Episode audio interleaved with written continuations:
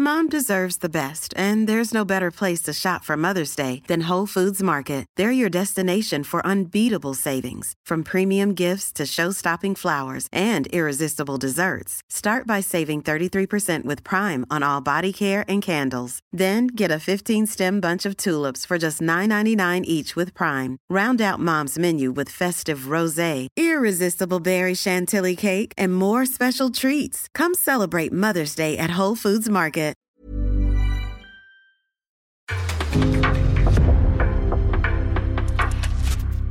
En podcast från Aftonbladet.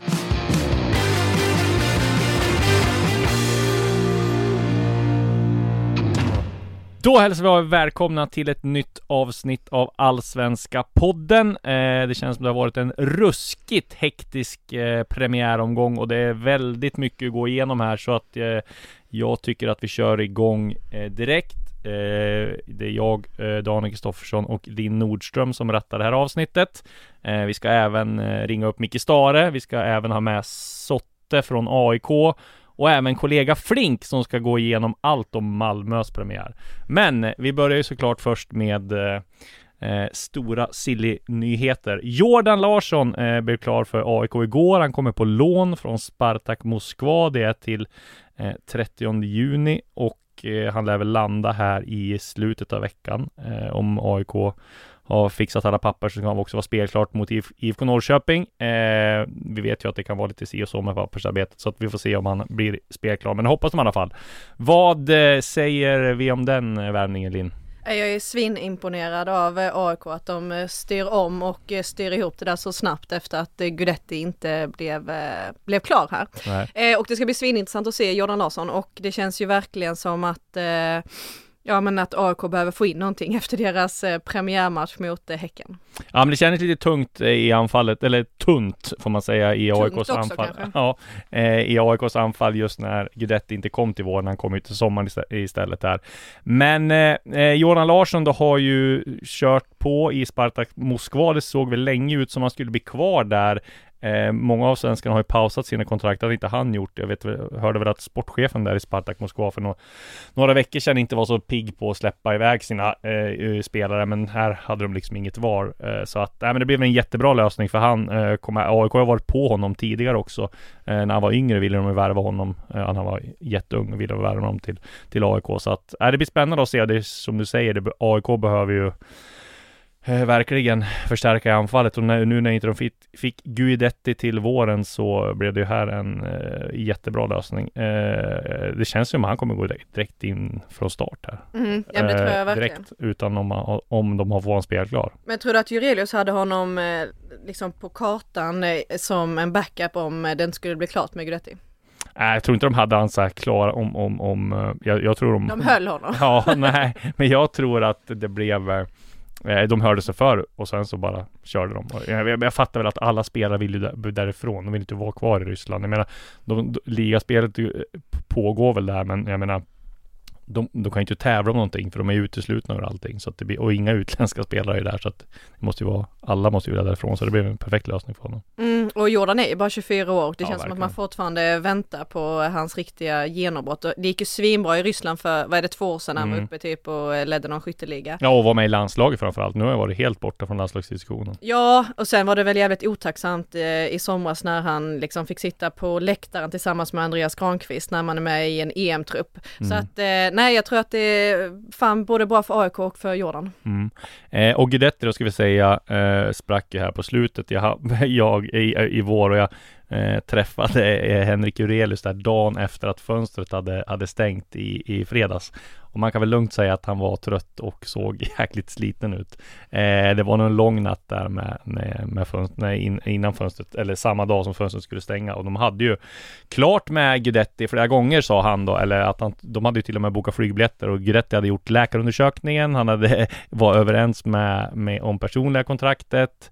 Han, de var överens med Alaves eh, och skulle bara eh, lösa dealen, men sen så ändrade sig Alaves Eh, och det blev ingenting, de hörde inte av sig. Så att det känns ju som att i Alaves vill jävlas med Guidetti nu. att de bara Eh, John har liksom inte velat lämna klubben de senaste typ två, tre transferfönstren fast de har velat bli av med honom och nu jävlas de och betalar ut de här.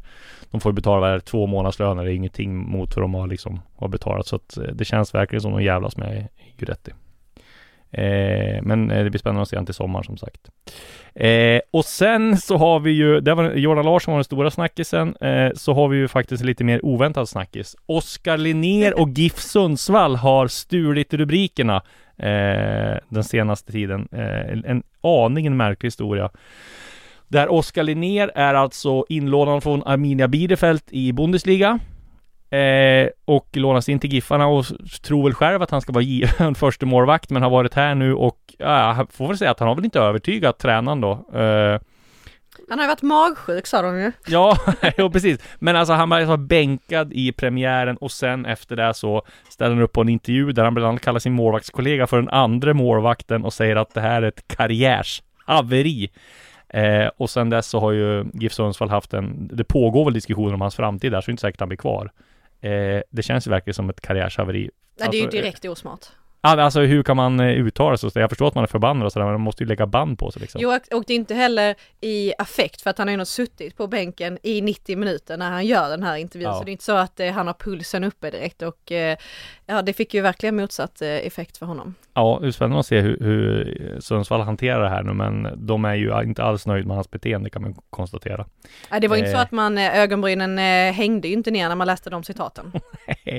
Nej, det var ruskigt konstigt. Så vi får väl återkomma till Linnér Gate här då, vad det lider. Men ja, vad tror du? Tror du de kan vara så hårda att de bryter kontraktet? Nej, det tror jag inte. Nej, det känns som kanske en tillrättavisning eh, eh, tillrättavisning och kanske, ja, böter kan... Ja, men vad fan, då får man väl se det som att han verkligen vill spela och att han är eh, taggad och sen var det jävligt klumpigt sagt och då ja. får man bara markera det. Exakt. Men det är ju inte, det är ingenting att slänga ut honom för. Nej, så kanske det känns.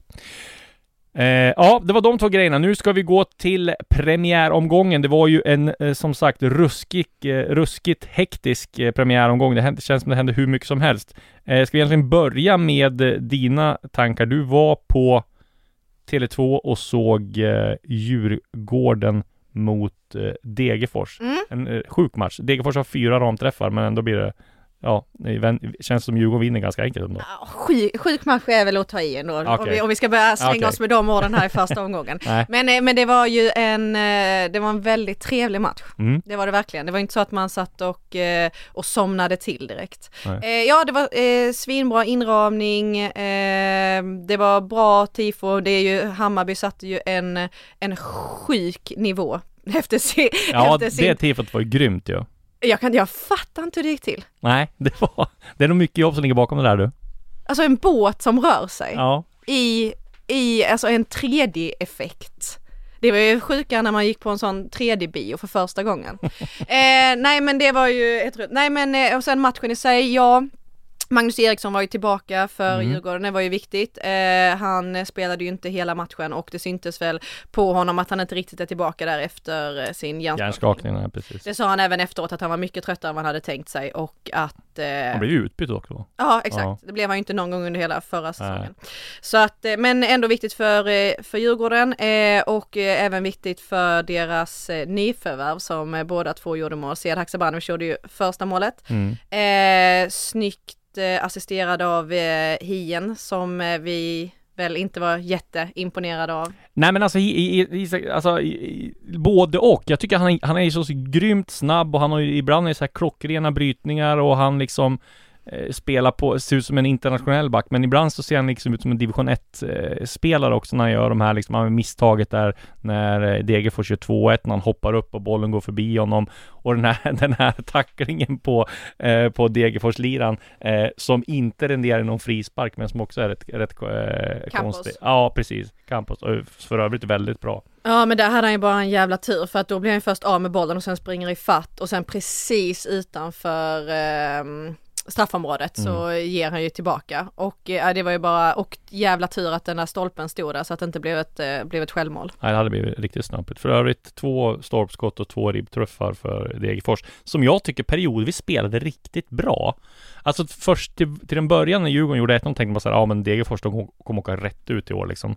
Men sen kom de ändå, de har ganska bra spel, ganska mycket fart på kanterna och så där så att jag vet inte, jag... Campos var ju svinbra. Ja, jag tycker han var grym. Ja, och det har, han har ju fått väldigt mycket lovord för, inför allsvenska premiären också. Så att... Det som imponerade på mig var att Degerfors eh, men de var tålmodiga. Alltså ja. det var aldrig så att de tappade huvudet på något Nej. sätt och det, det skulle de inte göra heller för de hade ju också möjligheter hela tiden och mm. sen förstår jag också Djurgården att man kan inte hålla, man kan inte hålla den enorma press som de hade i början på eh, på första halvlek, utan någon gång så måste man sjunka ihop lite. Mm. Men eh, jag vet inte, det, det känns som att Djurgården också kommer ut i andra halvlek och slappna av på ett sätt som kommer bli jävligt farligt när de möter ett motstånd som är bättre än, än Degerfors.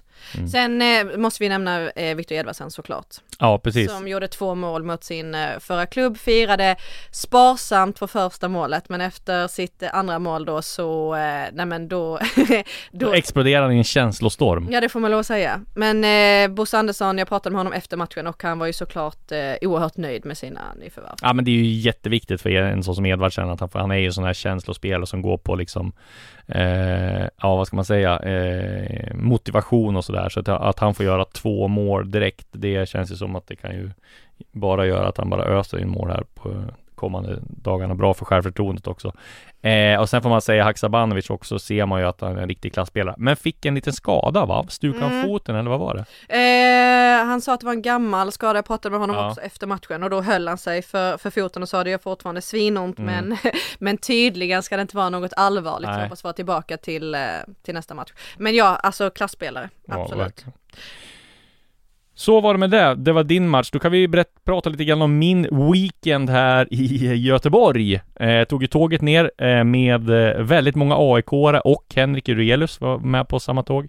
Eh, satt i samma vagn för övrigt. Eh, och eh, ja, men han var... klass? Det, vi, det, vi, vi jobbar ju såklart eh, när vi åker tåg, så då åker man ju alltid första klass. Liksom... Gratis muffins. ja, och sådana här, vad heter det? Skumraket. Ja, men typ.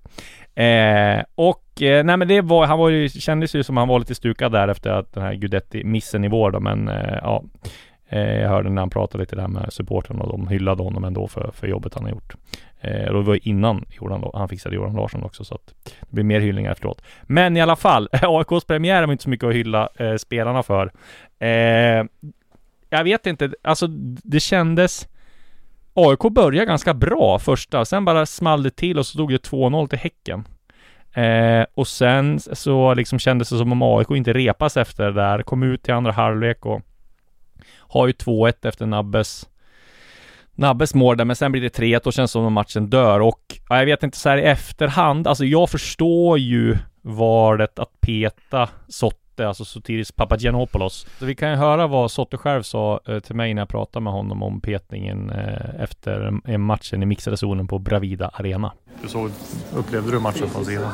Nej men det här är absolut inte... En, ah, det är ingen bra match från oss i, idag och det är dags att vakna nu. Eh, vi, vi sover första, vad blir det, 20 minuterna. De gör två mål.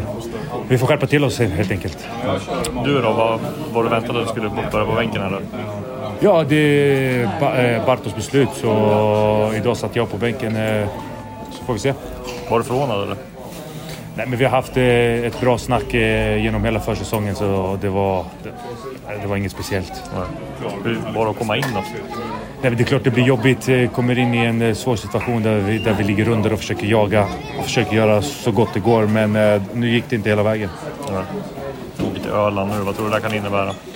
Nej, men det, nu får vi komma bort lite grann och, och försöka titta på matchen och se vad vi, vad vi måste göra bättre. Mm. För, för det här var inte godkänt. Ja. Hur ser du på premiären mot Norrköping? Eller hemmapremiären?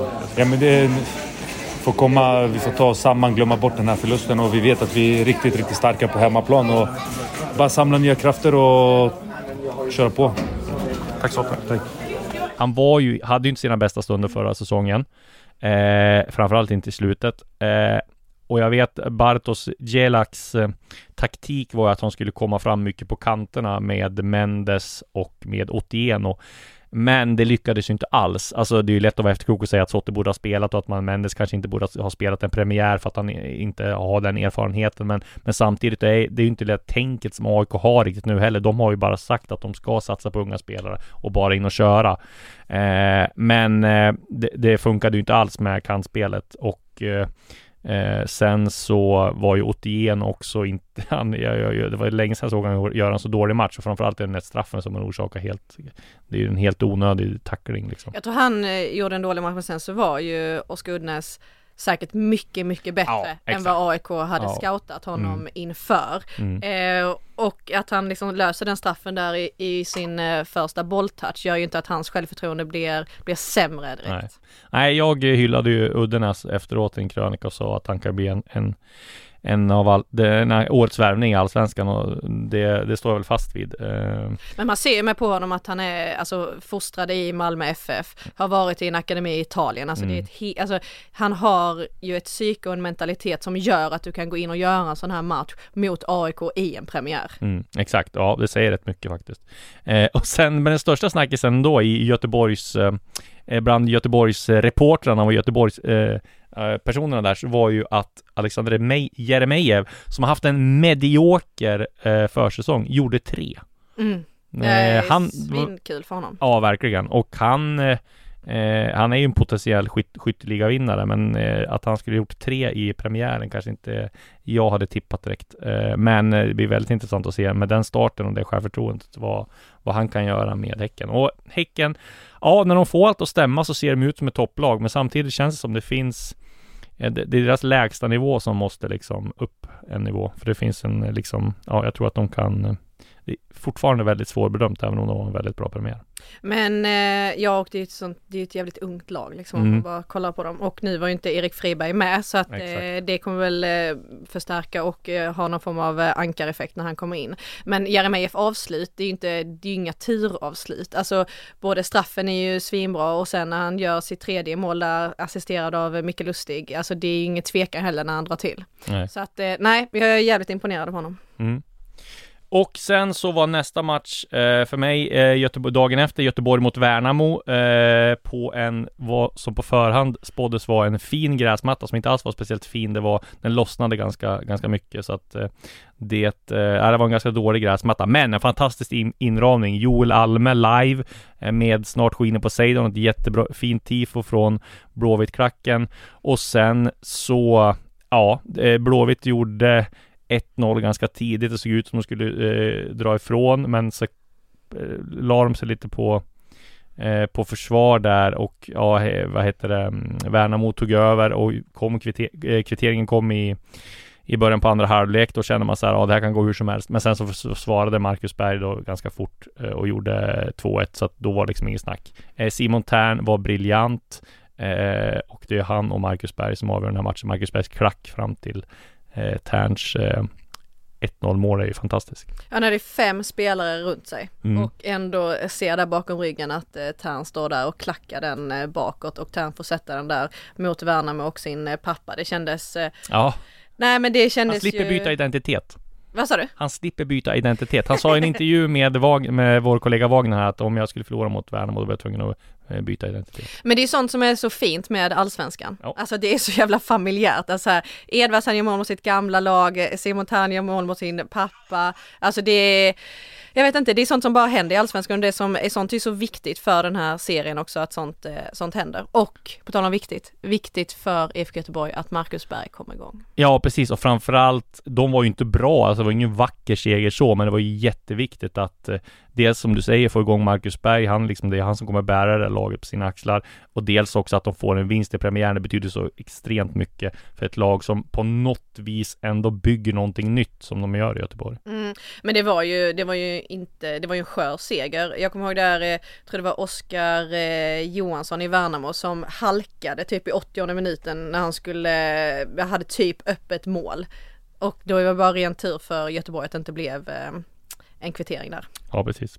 Och jag eh, snackade med Mikael Stare efteråt, eh, efter matchen, eh, om dels om transferfönstret. Han är ju lite av en manager nu också. Så vi ska höra vad han säger om IFK Göteborgs eh, transferfönster, bland annat den eh, ja, uteblivna värvningen av Jake Larsson från Örebro. Så eh, vi säger välkommen till podden Mikael Stare. Vi står här efter er seger mot Värnamo i premiären. Berätta om känslorna. Det är ju en, eh, om man ska vara brutalt ärlig, vilket jag är med dig, så är det så att jag är lättad. Så glad, ja. Lättast svar ja. Så, att, eh, så det är bara så att Blåvitt hemma mot Värnamo ska vara tre poäng och mig veterligen så när jag kollar på resultattavlan här så vann vi med 2-1 så det var skönt.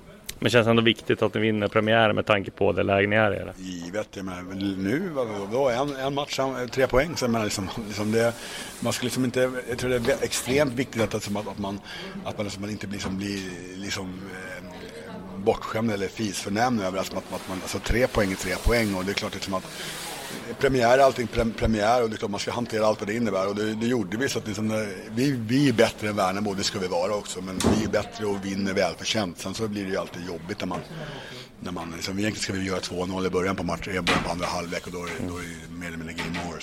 Men vi, vi replikerade bra efter deras, eh, efter deras 1-1 så det var en jobbig känsla men vi gjorde mål så snabbt, så snabbt in på, det var viktigt internationell eh, klass på eh, läktarna pratar du om här. Vad säger du om inramningen? Det var Joel Alme som körde live här och sen... Ja, men det, så är det ju bara. Det är bara att konstatera det. Så man kan eh, bestiga många stadion ute i världen i de stora ligorna och så men känslan här, alltså, sen är det klart att jag är högst subjektiv liksom utifrån att jag jobbar här. Men det är ju fantastiskt inramning. Det är en tight fotbollsarena. Naturgräsplanen är helt okej. Okay. Eh, liksom liksom, äh, den, den, är, den, är, den är magisk. Så jag är extra glad för, för, för publikens skull att vi på något sätt blir, blir på något sätt belönade av med tre poäng. Ni är väl inne lite i en nybyggarfas här i IFK Göteborg och ni har väl haft ett transferfönster. Ni har fått in ett par spelare men en spelare som ni gick miste om var Jake Larsson från Örebro. Kan du säga något om hur, vad som hände där? Alltså egentligen så eh, vill jag inte, egentligen inte prata om spelare som spelar andra klubbar. För han inte, sen, sen så eh, om du gissar till att han har varit, varit aktuell för, för, eh, för Blåvitt så säger jag att jag kan varken bekräfta eller dementera. Mm. Eh, nu spelar inte han i Blåvitt och det är det så. Sen, sen vet jag vem det är och att han har spännande egenskaper. Mm. Hur ser du på er transferfönster om du pratar i generella termer då? Eh, nej men alltså det är väldigt viktigt för oss att, att vi ser, jag vill egentligen inte liksom gradera det typ så, men, men däremot är det viktigt att vi, vi är i en fas att de närmsta transferfönstren så behöver vi behöver liksom föryngra. Det är det bara så. Liksom. Och det är bara att konstatera liksom att, och det betyder inte liksom att, det, att, det, att det, några av de äldre spelarna kommer att sluta, att vi inte tror på dem och sådana saker. Men vi behöver liksom någonstans, samtidigt som vi jobbar stenhårt för att vi kan vinna den, den enskilda matchen, så måste vi ha ett, också ett, liksom, vi måste ha ett tänk, vad händer framöver? Mm. Och det är klart att det, eh, nu håller ju alla de här, de här spelarna som är, det är inte bara det det är bara Marcus Berg, Oskar Wendt, Gustav Svensson, eh, eh, Mattias Bjärsby, utan det är ju även Emil Samuelsson är född 89, han är ju 32, Tobias mm. Sana är 32. Eh, liksom, eh, och så, jag menar, och Simon är ju inte purung, han heller. Typ så. så det är klart att vi behöver liksom, vi behöver eh, unga spelare från akademin. Vi vill titta på också, självklart också elitrekrytera spelare utifrån. Och det är klart att, att ehm, och det, då blir varje transferfönster viktigt. Liksom, att, vi har, att vi har en plan. Nu lyfter vi upp allt mer akademispelare. Och sen så får vi självklart titta på ja, alltså mer etablerade rekryteringar också. Men, men ehm, ja, det är det som jag kan säga egentligen. Hur, blir det, hur viktigt blir det att sälja spelare? Jag tänker på kommande transferfönster och sådär med tanke på ja, ekonomin. Ja men det är klart att eh, att det är alltid viktigt för, för egentligen, det är väl viktigt för, för alla. Det är bara egentligen Malmö som sitter på en riktig trumf på hand på något sätt. Så. Men i övrigt så är väl, det är även för dem, det är väl att man, att man får, får naturlig ruljans i att man, att man säljer spelare och så, så liksom får man återinvestera det i truppen och i verksamheten så får man köra igen. Det är så det, är så det är. Och då är det bara att konstatera liksom, att det är klart att, att, det, att, det blir, eh, att det blir viktigt att vi också har eh, unga spelare som också är intressanta, intressanta på, på den marknaden. Även fast det absolut viktigaste för en fotbollsklubb det är att vi levererar resultat här och nu. Eh, så. Eh, men ofta så går det hand i hand. För om man, om man spelare som är unga och spelar och man vinner så är det oftast det, eh, blir det oftast ett likhetstecken med att, man, att, att de blir aktuella för andra klubbar. Hur liksom är avvägningen där då för en tränare? Spela, att spela unga spelare som kanske inte har rutin och, och tanke på, med tanke på att de måste säljas eller hur, Alltså coach uppdrag det är alltid att försöka vinna matchen. Det är mitt uppdrag från IFK Göteborgs sida, det är att vinna, vinna matchen. Sen självklart så är det så att vi måste titta på det, vilka spelare är, är, liksom, är aktuella. Det är klart att en, eh, liksom, är man över 30 så är det ju, är det ju kanske inte så man kan definitivt bli rekryterad eller man kan få ett erbjudande på att spela också men det är mer troligt att man, att man får en, en får, eh, bud på spelare som är, som är 20 eller 18 eller 17 mm. än, än, än man är 35. Så är det typ. Och dessutom när han som är 35 kanske har kommit hit för att han ska avsluta sin karriär. Liksom så. så att, eh, och det är klart att vi, och det blir ju coachuppdrag och det är klart att nu ser jag väl mig själv som, oavsett vad jag har för, för, titel eller inte, så ser jag mig själv som en person som någonstans jobbar som, jag är inte bara i Blåvitt för att jag liksom enkom ska vinna matcher utan jag är ju här för att någonstans bygga upp en verksamhet tillsammans med, med ledningen och det är klart att då är de här, de här frågorna är ju saker som vi diskuterar varje dag. Och dörren för Sam Larsson då, är den stängd nu eh, eller liksom, finns det någon form av att han kan komma in på dispens eller är det sommar ni tänker på honom? Så just nu, han, han tillhör Dalian i Kina och eh, står under avtal där typ så. Så att, eh, det är väl det som jag egentligen kan, kan kommentera egentligen. Typ så. Det, är han där borta nu eller vet du det? Eh, jag såg han på eh, Hisingen och såg en allsvensk match mellan två svartgula lag igår. Okej, okay. ja då, då är han här i stan. Och du, eh, hur, vad händer för Göteborg nu då? Eh, efter den här eh, premiärveckan. Hur laddar ni upp inför nästa match? Nej, men det är äh, återhämtningsträning och analys imorgon och sen är det u match på, på, och ledigt på, på, på tisdag. Och sen några dagars träning och sen så åker vi till Helsingborg på, på lördag och så ska vi försöka slå Lennartssons mannar på, på söndag klockan 15 på Olympia. Så det är liksom det är, men det är ju, det är bara att konstatera det liksom att äh, jag har ju varit äh, tränare nu ett ganska bra tag och gått in i många säsonger och det är klart att det är en vansinnig skillnad på känsla att vinna en sån här match eh, kontra att eh, förlora eller, eller spela oavgjort. Ett oavgjort resultat här idag är ju som en förlust mer eller mindre. Mm. Så den, den, den, är ju en, det är en lättnad. Det kan, om man ser någonting annat då, då ljuger jag. Var du nära att åka på en varning där eller när du var ute och segrade för tekniska området? Jag var, jag var ju snäll och jag är god glad som vanligt. Det var ju bara att man inte ut och, och hoppade lite för mycket då. då. Stort tack. Så tack du. Mother's Day is around the corner. Find the perfect gift for the mom in your life with a stunning piece of jewelry from Blue Nile. From timeless pearls to dazzling gemstones, Blue Nile has something she'll adore. Need it fast? Most items can ship overnight. Plus, enjoy guaranteed free shipping and returns. Don't miss our special Mother's Day deals. Save big on the season's most beautiful trends. For a limited time, get up to 50% off by going to BlueNile.com. That's BlueNile.com. Ja, hoppa lite för mycket då. då. Eh, vad säger du om det där? Eh, vad det Stare säger om transferfönster? Det känns ju liksom att som att de han är inne på det att de är i behov av att sälja får man ju mellan raderna så att jag menar Oskar Williamson och Jallow skulle det förvåna mycket om de är kvar efter sommaren. Mm. Ja, de behöver ju sälja men de behöver ju också förstärka. Ja, det är det, är det som är grejen. Det är ju sinnessjukt. Ja. Och eh, ja, men man vet ju aldrig med IFK Göteborg. Exakt. Alltså, det är väl den klubben som känns mest, eh, ja men oberäknelig. Ja. Ja, det ska bli spännande att följa i alla fall. Eh, Sam Larsson är ju i Göteborg, men jag har svårt att se att de ska få dispens eller någonting. Alltså alla de där Kina som spelar i Dalian vill ju ha sina pengar och det verkar de inte få så att det, de måste åka tillbaka dit och... Hur bra tror du Sam är nu? Nej men bra, tror jag absolut. Alltså är han, sam ja, är han samba Ja det tror jag, absolut. Jävla övertygelse i det. Ja det är jag faktiskt. Du kollar mycket på kinesiska ligan? Nej men jag tror alltså han är väl han är ju pigg och rapp. Exakt, och lättränad framförallt. Mm. Eh, så att, ja, nej, de får nog vänta på honom ett tag till. Eh, och samtidigt är Jake Larsson var ju väldigt nära, men där fattade jag som att Örebro eh, Ja, de var överens om en övergångssumma, sen höjde Örebro priset. Eh, så att, ja, jag vet inte vad som hände, men eh, de ville ha in honom i alla fall, vet jag. Eh, så var det med det. Nu ska vi faktiskt gå vidare med Kalmar Malmö FF och då tycker jag det är på sin plats att vi tar in vår kollega Johan Flink som är vår man i Malmö och som var på matchen tillsammans med eh, Per Boman eh, och såg Malmö vinna med 1-0. Vi ska höra hans tankar här så vi ska ringa upp honom. Skönt med någon som pratar mer skånska än mig. Ja, kanske det. Ja, då har vi med oss Johan Flink, vår man i Skåne som var på Kalmar mot Malmö FF. Eh, berätta lite grann om dina intryck från den matchen. Eh, dålig plan, slog det väl alla. Eh, det är ju två spelande lag så att eh, det blev väl inte lika fin fotboll som man kanske hade kunnat hoppas på. Eh, de behärskade ändå det hyfsat och, och man ser att de, de, riktigt skickliga eh, spelarna som Romario i Kalmar till exempel eh, kan ju hantera det ändå.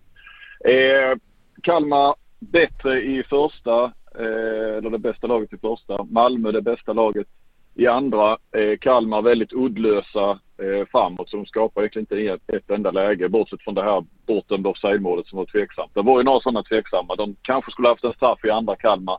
Å andra sidan skulle väl Malmö haft en straff på en hands eh, också i andra. Eh, Malmö eh, var ju såklart favorit i den här matchen. Eh, men imponerade ju då inte i, i spelet. Eh, och valde då kanske till skillnad från i fjol där man inte anpassade sig så mycket efter motstånd och omständigheter och förutsättningar. Utan nu är det ju tillåtet med de här lite längre bollarna under Milojevic. Eh, och det slog de ju också bakom Kalmars backlinje och med lite bättre skärpa från eh, Birmancevic och eh, Berget kanske, men framförallt eh, serben där så hade det ju kunnat omsättas redan i första halvlek till, eh, till något mål. Mm. Eh, ja, ungefär så. Du brukar ha koll på startelvor vad det gäller landslaget och, och Malmö och sådär, men eh, nu kändes det som Malmös startelva aldrig varit mer given va? Nej, jag var i, nej precis, jag var inne på det eh, där inför matchen eller dag, dagen före. Eh, då trodde jag i och för sig att Nanasi kanske skulle starta istället för Nalic. Som ju, han var ju avstängd där i, i kuppen och så vidare. Nu fick ju Nalic starta. Nanasi med ett fint inhopp mm. eh, i, i, andra. Men, men det är ju lite så. Det är inte alls lika lurigt som det har varit de, de senaste åren annars kring MFF startelva. Mm. Milojevic är ju rätt så tydlig med vilka som är första gubbarna. Sen ger det sig lite klart med med Lewicki, Peña och, och, och, Rex eh, borta också så, så kanske det gav sig lite. Men eh, nej, inte så lurigt eh, längre. Och Kiese Thelin levererar direkt. Hur, hur, såg han ut och hur viktigt tror du det var för, för Milos Milojevic? Ja, men det är, det, det, är klart det var väl viktigt för hela MFF och inte minst Kiese Thelin också. Det, han märktes ju inte mycket i spelet. Visst, han är ju den här uppspelspunkten men blev rätt så bortplockad eh, egentligen fram till målet. Jag satt ju och lajvade där och fick någon fråga. Kiese Thelin, hur ser han ut? Nej, men det har nästan inte märkts någonting. Nej. Och sen två minuter senare så, så, gjorde han mål. Och tydligen är det väl så att han har alltså gjort 18 mål och 5 assist på 28 starter för MFF nu då. Alltså kopplat till tidigare. Ja eh, förra svängen också där. Det är ju rätt så imponerande. Avgjort då både cupsemifinalen och eh, premiären. Ja, det får man säga ett hyfsat facit. Vad säger du om Toivonen ja. då? Eh, ja, men jag tycker lite överraskande att han plötsligt stod där och skulle bytas in. Eh, det kändes som han också själv nästan tyckte det, eller att han hade hoppats att det skulle stå 2-0 när han kom in. Jag vet inte om han menade att de borde ha satt chanserna där innan. Men eh, Nej men han ska väl stegra nu. Han ska väl ikväll är han väl i Mjällby och spelar u match och ska spela i varje fall 70-75. Han trodde då att det skulle bli några fler minuter mot Elfsborg hemma. Han lär inte starta här nu på, på måndag mot Elfsborg, det tror jag inte. Men eh, eh nej men han gjorde ju den här avledande löpningen vid, eh, vid eh, 1-0 målet eller det enda målet. Eh, så han, han spelade in det. Han var ju, ah, han var ju så lycklig. Eller han var ju så glad efteråt också att han spelade. Det är rätt härligt men Toivonen som är som är glad. du, eh, vad, nu har det bara gått en match, men vad skulle du säga skillnaden är både Malmö FF på planen och att eh, bevaka dem den här säsongen från förra säsongen? Eh, på plan så är det väl lite att de varierar sitt spel lite grann mer nu. Det pratar de ju om att de kan spela lite mer direkt nu och, och eh, ja, det var ju, Thomasson var ju lite mer principfast på något vis att han skulle spela eh, rulla bollen och, och bollinnehav och sådär. Nu, nu har de ju lättat lite på det under Milos här. Men eh, den stora skillnaden så direkt från en annan det är ju eh, vid sidan av plan hur mycket enklare saker och ting är. Eh, de är ju, har ju till och med en skaderapport nu varje torsdag så plötsligt är det här med GDPR och allt vad det var eh, eh, bortglömt. Eh, de kör inte underkropp och överkropp nu då eller? Nej, nej. Eh, så att det, det, är, det är inte vidöppet när det gäller skador men, men de, är, de är ändå öppna med det och, och, och ganska så tydliga. Eh, och sen har vi ju, jag menar Milojevic är ju en helt annan eh, person. Det har ju ni fått känna på upp i Stockholm också när han var i Hammarby bland annat. Mm. Eh, en Tomasson som eh, liksom egentligen inte ville säga något eh, och skulle skratta bort allting och skoja, skoja fast det var ingen som, det var ingen som skrattade. Det var bara han själv som skrattade. Men, men eh, här, här, vi vet ju aldrig vad vi får här eh, och vilket eh, och han är ju rak och tydlig och, och eh, vågar ju säga saker. Så det gillar man ju med Milos. Mm -hmm. Ja, ja såklart i den här rollen är det ju jättebra. Jag är nästan, alltså, jag ska vara ärlig, jag trodde liksom inte att, nej men MFF mm, kommer aldrig, alltså kanske då med Daniel Andersson i spetsen, kommer inte att liksom kunna eller vilja ta en, en sån här frispråkig tränare som, som Milos eller Rydström eller nu var ju Rydström också på tapeten. Så att eh, det var faktiskt lite överraskande. Jag trodde det skulle nästan vara ett hinder för eh, MFF att ta den typen av frispråkiga tränare. Ja. Eh, en annan grej som jag tyckte var rätt intressant var den du skrev om Birmans, Birmancevic och hans personliga tränare på. Han lägger ju närmare 300 papp på att hålla sig i form och personlig tränare. Berätta lite mer om det här bara kort. Ja, eh, jag vet inte så mycket mer än det jag skrev, men, men han sa ju det där, för när, det var när jag frågade om, om han har rätt så tuff uppväxt och just om han eh, nu känns skönt att kunna hjälpa föräldrarna ekonomiskt eh, eh och så. Men då Visst, det gjorde han väl till viss del, men han la pengarna på fotboll menar hans karriär då. Att han hade lagt 300 000. Eh, jag kommer inte riktigt ihåg om det var om året eller de senaste två åren på, på någon personlig tränare som är nere i Serbien, eller är serb i varje fall, som flera andra serbiska stora fotbollsspelare använder sig av. Ja. Det jag kan bara känna lite, nu satt jag ner med honom för att verkligen försöka ändå komma lite, lite under huden eller man ska säga, lära känna honom lite grann. För han har ju liksom, det har ju varit språkbarriär. Han pratar fortfarande inte engelska och så vidare. Han hade ju en bra tolk och så. Men han har ju varit ganska så, eh, ingen har liksom riktigt fått grepp om Ganska blyg och eh, drar liksom sina klyschor efter matcherna i den mån han, han liksom kan eh, få prata med honom lite grann. Va? Så att nu försökte jag lite grann och det som slår mig utan att säga att jag känner honom nu det är att han verkar ju liksom nästan besatt av sin, sin karriär, sin fotboll jag tror att hjärnskrynklare skulle nog skaka på huvudet. Att, att alltså han identifierar sig bara som fotbollsspelare. Ja. Eh, känns det som. Eh, han, jag ställde en sån här fråga. När grät du senast? Ja men det var eh, i fjol när jag inte gjorde mål under en period.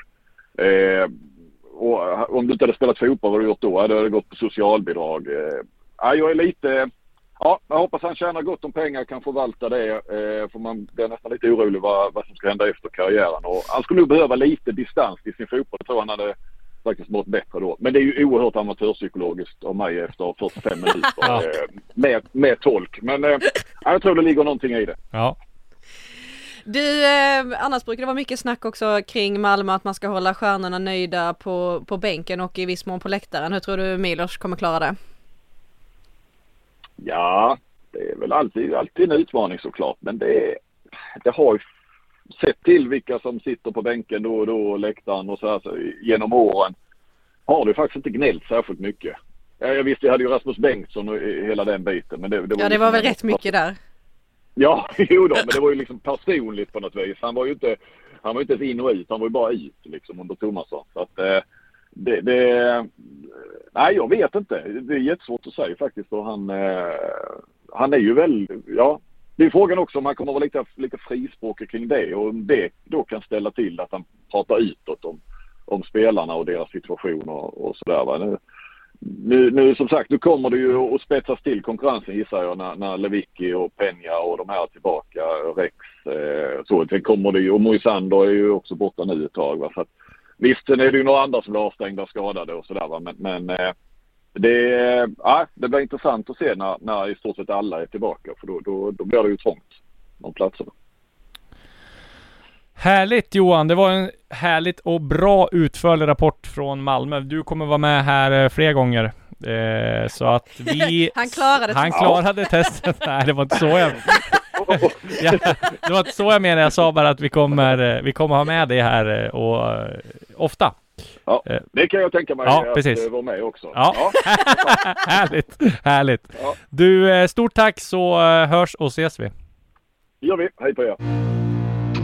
Ja, precis. Det var Malmö. Det var ju Uh, nu plingar det till här te telefonen. Uh, det är lite breaking news. Nej, det är inga breaking news. Men jag eh, mässade faktiskt med Urban Hagblom, Giffarnas sportchef, angående Oskar ner. Och då säger han så här. Uh, inget beslut är taget ännu. Lite mer möten, men bör bli klart idag.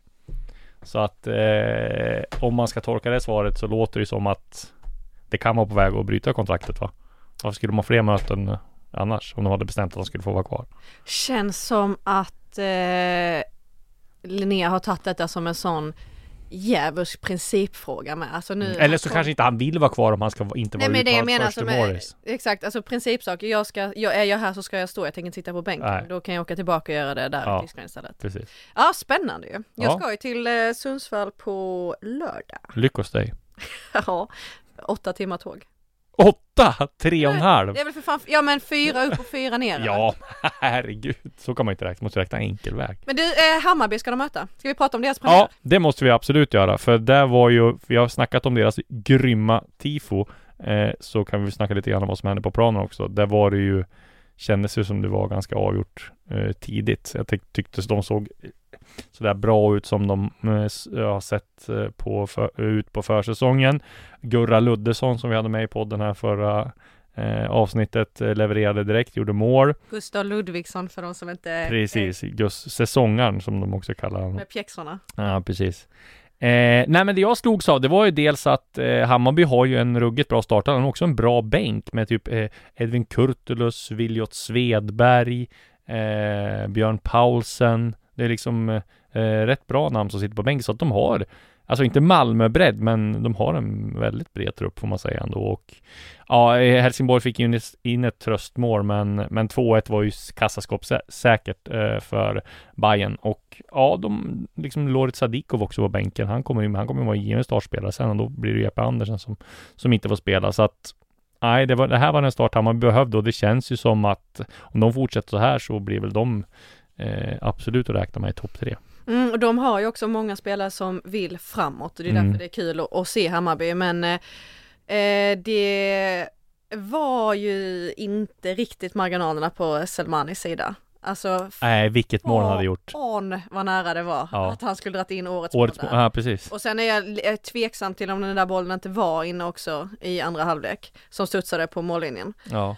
Eh, men eh, nej, det var eh, svinkul att se Hammarbys eh, premiär och det var kul att se eh, Helsingborg också. Mm. Men ehm, Ja, Bojanic, alltså det, det, som jag säger, och Jaesh, det kommer ju alltså spelare med fart hela, hela tiden. Mm. Så att eh, precis som du säger, de fick säkert jättemycket energi också av, eh, av inramningen och av att de fick det här tidiga målet. Men det ska bli kul eh, att åka upp till Sundsvall och se hur de eh, hanterar den eh, bortamatchen. Mm. Se hur, med, hur det är med eh, Magyar var ju eh, lagkapten, det pratade vi om i förra podden, vem som ja. skulle bli det och han lär ju vara då framröstad till... Ja precis, han, han är lagkapten och sen är det Ludvigsson Johansson och Bojanic som är vice lagkapten. Så kom mm. två, mm. två och tre i omröstningen. Fallande ordning. Ja, precis. Nej, men det blir intressant. Det blir intressant att se om eh, eh Linnér är kvar i Sundsvall då när du kommer dit. Eh, vi ska nämna kort där också att Sirius vann ju med 2-1 eh, mot Giffarna Sundsvall. Eh, Giffarna tog ledningen 1-0 och sen så gjorde Sirius Eh, två vände de på matchen i andra halvlek. Christian Kouakou gjorde avgörande 2-1. Det var väl inget snack egentligen. Eh, ja, Giffarna kommer få det kämpigt känns det som just med den backlinjen. Forrest Lasso är ju inte någon som har övertygat mig hittills i alla fall. Och sen får de ju se till att lösa det här målvaktsproblemet då. Eh, men de kommer få det tufft. Sirius, ja, de imponerar inte heller, men de har ju ett bra lag, så de ska inte behöva bekymra sig om att vara med i någon sån här nedflyttningsstrid tror jag i alla fall. De kommer bli ja, hyfsat mittenlag i alla fall. Men däremot eh, måste vi ju säga att eh, Varberg och Jocke Persson fortsätter att imponera. 1-0 borta mot IFK Norrköping. Norling mardrömstart, redan pressad. Nu möter Norrköping AIK nästa match. Också pressade. Också pressade, så att den matchen blir en, en, en eh, tidig ångestmatch. Framförallt kanske mest för Rickard Norling skulle jag säga. Eh, ja, vi får se Fast om... AIK kan inte förlora den heller. Nej, precis. Det kan de inte göra i hemmapremiären. Nej. Jordan Larsson kanske klar, mm. förlorat mot Häcken borta. Nej, då får de det tufft.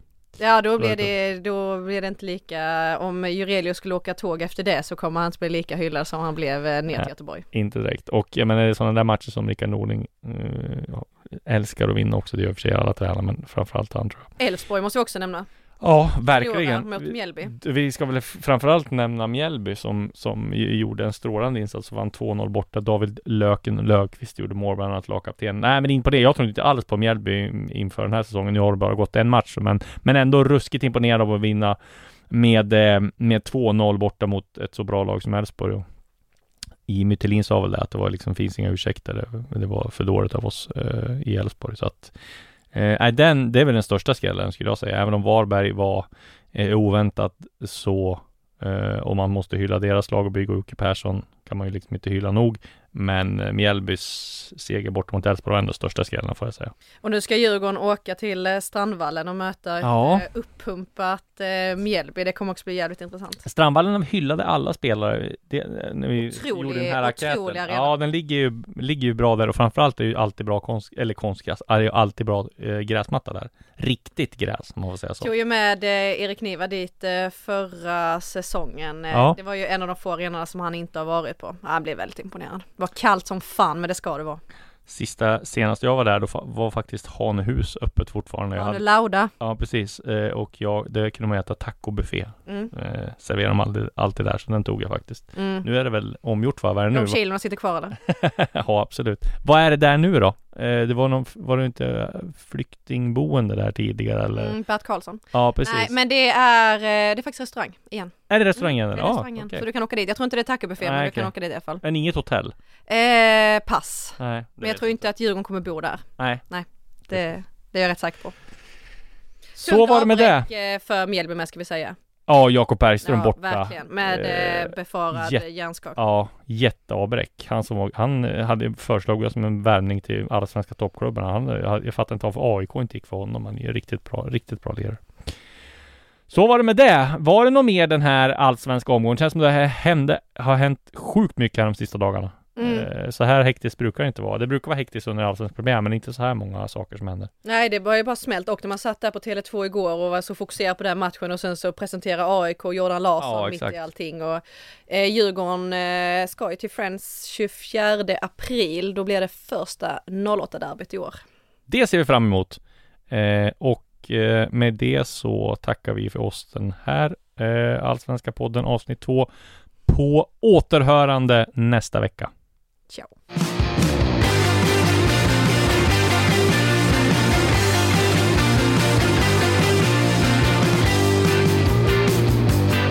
Du har lyssnat på en podcast från Aftonbladet. Ansvarig utgivare är Lena K Samuelsson. Mom deserves the best and there's no better place to shop for Mother's Day than Whole Foods Market. They're your destination for unbeatable savings, from premium gifts to show-stopping flowers and irresistible desserts. Start by saving 33% with Prime on all body care and candles. Then get a 15-stem bunch of tulips for just $9.99 each with Prime. Round out Mom's menu with festive rosé, irresistible berry chantilly cake, and more special treats. Come celebrate Mother's Day at Whole Foods Market.